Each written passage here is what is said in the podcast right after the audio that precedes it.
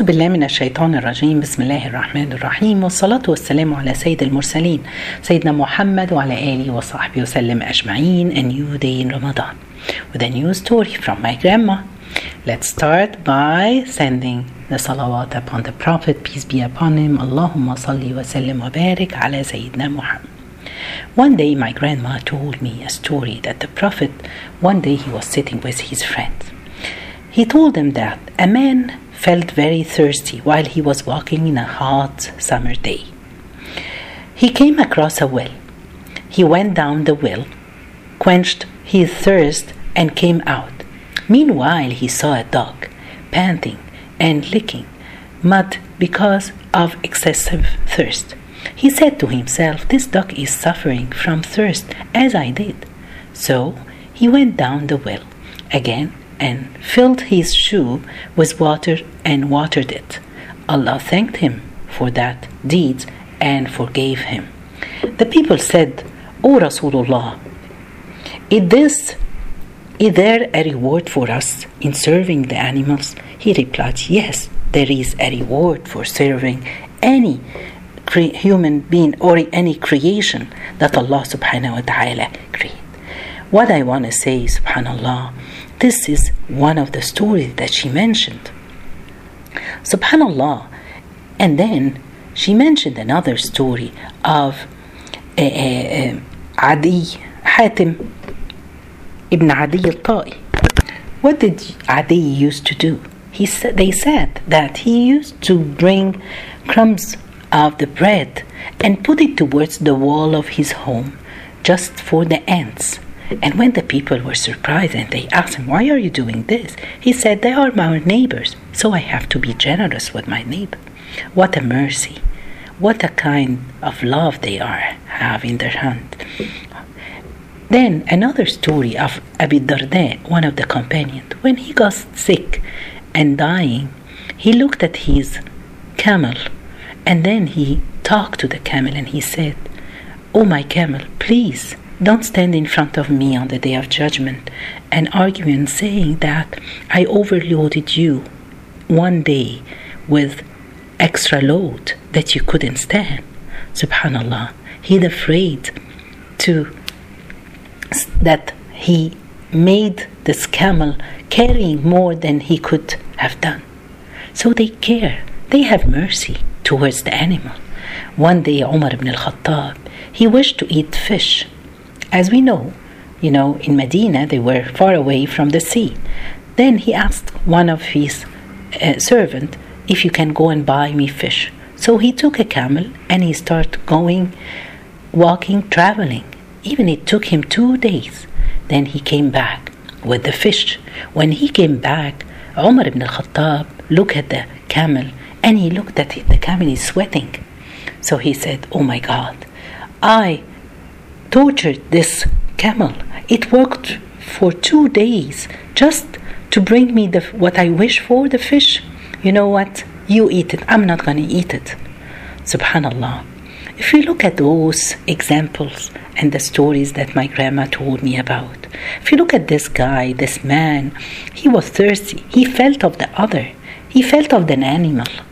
So, how do we feel about each other, guys? This is my question. Where is the mercy? Where is the rahmah between us? Between us and thinking and caring about the other creation of Allah, even by taking care of the environment. This is something very important in Islam.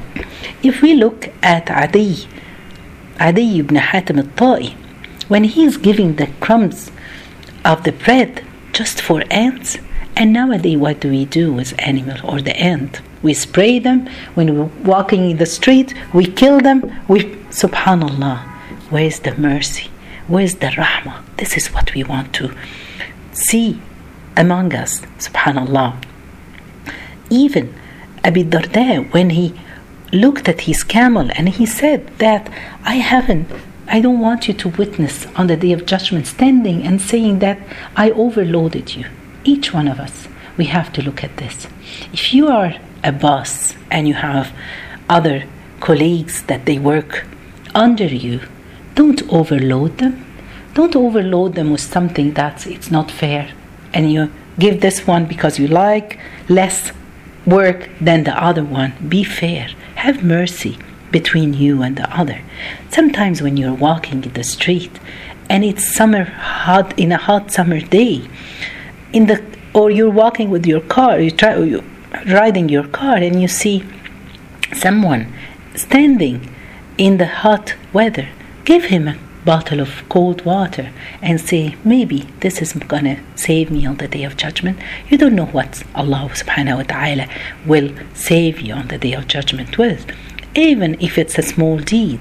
When subhanallah, when you're praying and your kids they come and jump on your back, don't uh, uh shout at them, but look at the mercy. This is what how the Prophet peace be upon him he used to do with his grandchildren, and he was praying as an imam behind him all the Muslim. And one time he kept in, in his sujood for a long time. People they didn't know why it's taking that long. After they finished, they asked the Prophet. He said that Al Hassan and Al Hussein, his grandchildren, they came and they jumped over his back, and he didn't want to bother them. This is the mercy and the rahmah that the Prophet, peace be upon him, he had it. Subhanallah, when your mother, your father, when you come back from work and they ask you, Did you remember to get the milk for us? Don't say, Oh, I forgot, tomorrow I'll do. No, go.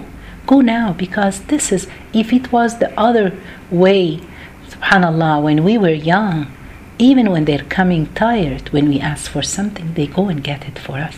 This is the mercy. This is what we want to see between us as human beings.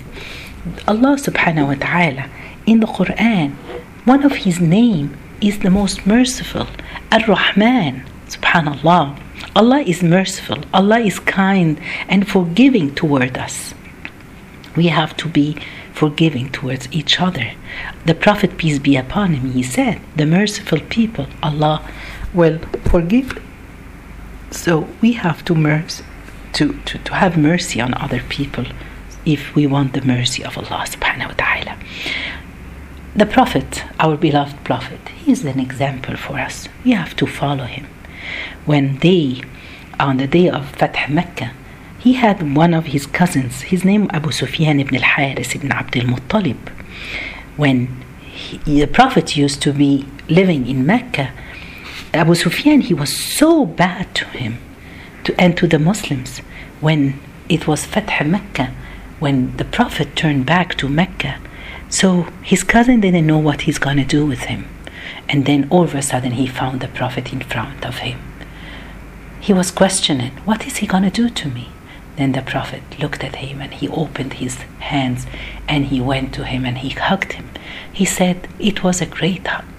If we want the mercy, if we want the Prophet, peace be upon him, to hug us because our mercy towards each other, what I want to say, we are in the blessing months of Ramadan. Look around you. Look for mercy, for forgiveness, for loving for each other, for the people, subhanAllah, around you, for your colleague at work, for your neighbors. As we said, Hatim al-Ta'i was his neighbor. he saw the answer his neighbors, so he had to be generous to them. Look at you. Are you nice and forgiving and caring with your neighbors, your old neighbors? Go and get some grocery for them. Go and ask them if they need help when you're going out for shopping. These are the kind of mercy that we have to look at. Be careful, be nice, have mercy on girls and women Subhanallah, as the Prophet always encouraged people to be good to their wives, to be good to their daughters. This is the mercy of the Prophet, peace be upon him. We saw the mercy of the Prophet with the trunk of a tree that he used to stand off on it, giving the khutbah before they built the mimbar. Then, when they brought the mimbar to the masjid, they heard the sound of the trunk as if crying. So the Prophet went and he hugged this trunk. This is the mercy that we have to have. What I want, my message is we have to be we have to change during Ramadan. We have to have mercy on other people. One time a man went to the Prophet and he told him that I have a very hard heart. How can I make it soft? He told him, if you want this, go and look for the orphans. Put your hands on his on their head. Subhanallah. Feed them. Be kind to them. Like this, you will have a soft heart. This is what we need among us as societies now. Be a mercy, mer- have mercy on other people.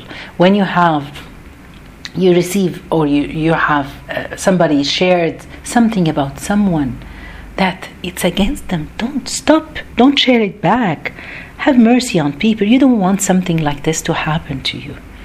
So let's look for the rahmah for the caring, for the love for each other.